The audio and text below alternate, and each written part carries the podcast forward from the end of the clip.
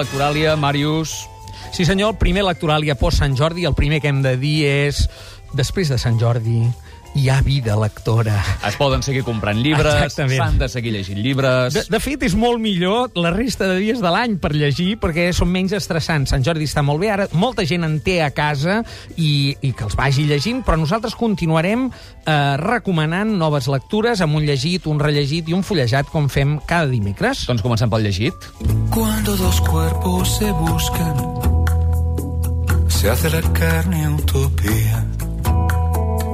Cuando dos cuerpos se encuentran, Per on comencem, Màrius? T'hem posat aquest aute, eh, així Sí. de fons, parlant de cossos i tot plegat per, a veure, per recomanar, parlar i ponderar d'una novel·la que ha estat molt esperada i segurament desconcertarà eh, alguns dels lectors d'aquesta autora. Caçadora de cossos, de Najat El Hashmi.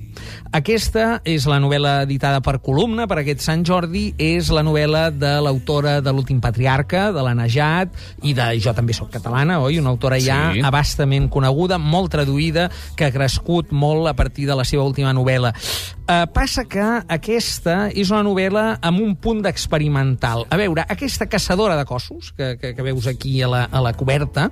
Una eh, coberta, per començar, ja que ens dona moltes pistes, eh? És suggerent, eh? Que, eh, però són celles, eh? Uh, sí, sí, sí, són, sí, sí, però sí, evidentment és, és, són, són dos ulls, Sí. el, el, si posem el llibre en horitzontal veiem clarament dos ulls, però si el posem dret... Clar, ja, ja recorda aquella mítica col·lecció, la sonrisa, La sonrisa vertical. vertical, sí. I eh, juguen una mica, evidentment, és La un... pestanya vertical. la cas. pestanya o la doble pestanya vertical. Eh, aquí tenim una novel·la que bàsicament tracta sobre les relacions amoroses, eh, sense excloure, ans al contrari, les relacions sexuals. Sí. No? El que passa té dues parts molt diferenciades. Té una primera part que és un catàleg. Pràcticament és un catàleg de relacions fugisseres, eh, com un àlbum de cromos, en el qual una veu narradora ens va presentant eh, diversos, eh, diguem, eh, nòvios que ha tingut, i mm, doncs el títol mateix ja no enganyen, l'anglès, el sec, eh, diguem, el, a veure, el gallec, eh? I, esclar, aquí van passant una dotzena de, de nòvios Ens, diferents, ens no? fa pensar, Màrius, potser en Catherine Millet? Eh, aparentment, quan l'agafes, penses, a veure qui tindríem la vida sexual de... Sí. I no és això, no és això. A veure, eh, és... Eh, eh, sí que té aquesta voluntat de descriure la intimitat, eh, però no va tan enllà com la Catherine Millet. L'escriptora també ja dic que és ficció. Eh, sí, esclar, esclar, tampoc hem de buscar aquí l'escàndol directe, eh, però bé, eh, demostra un, un coneixement clar de la feromona, no? És a dir, allò que t'atreu, diguem, dels cossos. Ara bé, tot aquest primer catàleg, que pot, en algun cas més afortunat, en d'altres, doncs menys, que tampoc busca ser contes ni històries tancades, sinó que és com un... D'això desemboca, i aquí és on està el cuit de la qüestió, que jo he de dir que potser n'esperava més, o esperava, diguem, que desemboqués cap a una altra cosa. Sí. Això eh, desemboca en el punt de vista de la narradora que ha arribat a un enamorament. I aleshores, en certa mesura, descobreixes que t'explica allò amb un posat displicent, com dient, bé, quan jo anava sense, de flor en flor, sense saber què buscava i tot plegat. Aquesta segona part, que és una segona part que formalment també és experimental, que té cursives, que hi ha una relació amb algú que alhora és escriptor i que la cosa s'embolica, en el fons acaba mm, en una mena de conclusió molt òbvia, que és que t'enamores i ja està. Eh? Eh, o sigui, que, que, que uh, uh, gairebé dius, home, sembla un tatuatge de l'amor verdadero, saps allò que, Sí, sí, que porten sí, els sí, mariners. I eh, bé, eh, potser hi ha una clara voluntat de crear una veu diferent en el sentit de femenina del de col·leccionista, que habitualment és una veu narrativa masculina, doncs aquí això, aquest esforç hi és. La, la segona part acaba negant la primera, Màrius? No, no l'acaba negant. No és sinó... una història de, de, de, de, No. de perdició i redempció, em refereixo. No, no, clar, jo, jo l'hauria preferit gairebé. Vull dir, jo hi detecto una falta d'atenció. És a dir, en la segona eh, part eh, acaba exposant una nova situació emocionalment més estable Sí. i una relació més profunda. I sí que t'acaba dient que totes les altres eren només, diguem, coses molt passatgeres i però gairebé és el que podia haver dit mon àvia, no?, d'una noia que, que tingués una vida lleugera i al final trobés l'amor de la seva vida. Um, no, no, jo crec que com a novel·la, eh, diguem, eh, li falta una tensió més acusada entre una exposició que acaba sent un catàleg un pèl llarg i una, diguem, eh, el nus i desenllaç que van junts aquí, no, no hi ha un desenllaç concret, sinó que és el nus, eh, probablement no ultrapassa gaire els tòpics. Tot i això, eh, està escrita, diguem, amb, amb gran, eh, diguem, tensió eh, estilística, és interessant. La Najat El Hajmi, sens dubte, és una escriptora de pes i n'esperem nous lliuraments. Caçadora de cossos de Nazet El Hajmi, a columna aquest any 2011. Tenim uns mots, Mots clau, que serien, en aquest cas? Mira, molt obvis, eh? Relacions, sexe, recerca i troballa, eh? amor, creació i catàleg.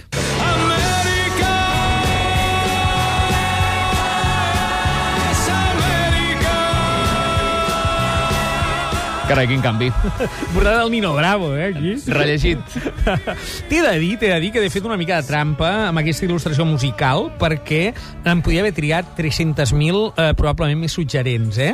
Com veuràs, perquè això és per recomanar la reedició molts anys després d'un llibre del Xavier Moret, que és Amèrica, Amèrica, viatge per Califòrnia i el Far West, que ara es diu Amèrica, Amèrica, un viatge generacional. Doncs sí, perquè el Nino Bravo m'ha suggerit qualsevol cosa, menys aquesta espècie de road movie, no sé quan, com s'hauria de dir tractant-se d'un llibre. És road movie, eh? Un sí, road movie, o road book, eh? road book, vaja, però per Amèrica, l'Amèrica de veritat. Vaja. Exacte. Jo, jo, val a dir que te l'he posat per dos motius. Primer, perquè em coincidia el títol, aquest Amèrica doble, i segon, perquè ara ho ha editat a Edicions Brau, que en certa mesura està Sí. a prop de Bravo, del Nino, oi? Molt bona, En fi, clar. no me n'he pogut estar. Uh, aquest és un llibre que jo t'he portat en la primera edició que tinc de, de fa uh, uns quants anys, que va sortir, diguem, en Púries, l'any 98, eh?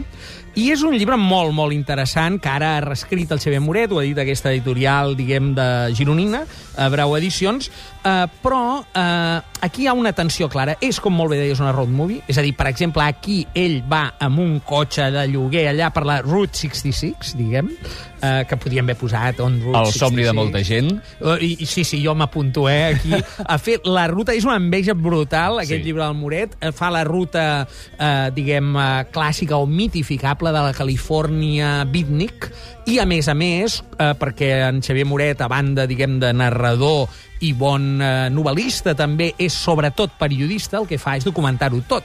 És a dir, que tu al darrere tens un glossari amb tots els llibres, discos i pel·lícules referents a aquesta època que, com sabràs, és, diguem, una de les èpoques més florides Sí. De la cultura popular del segle XX, no?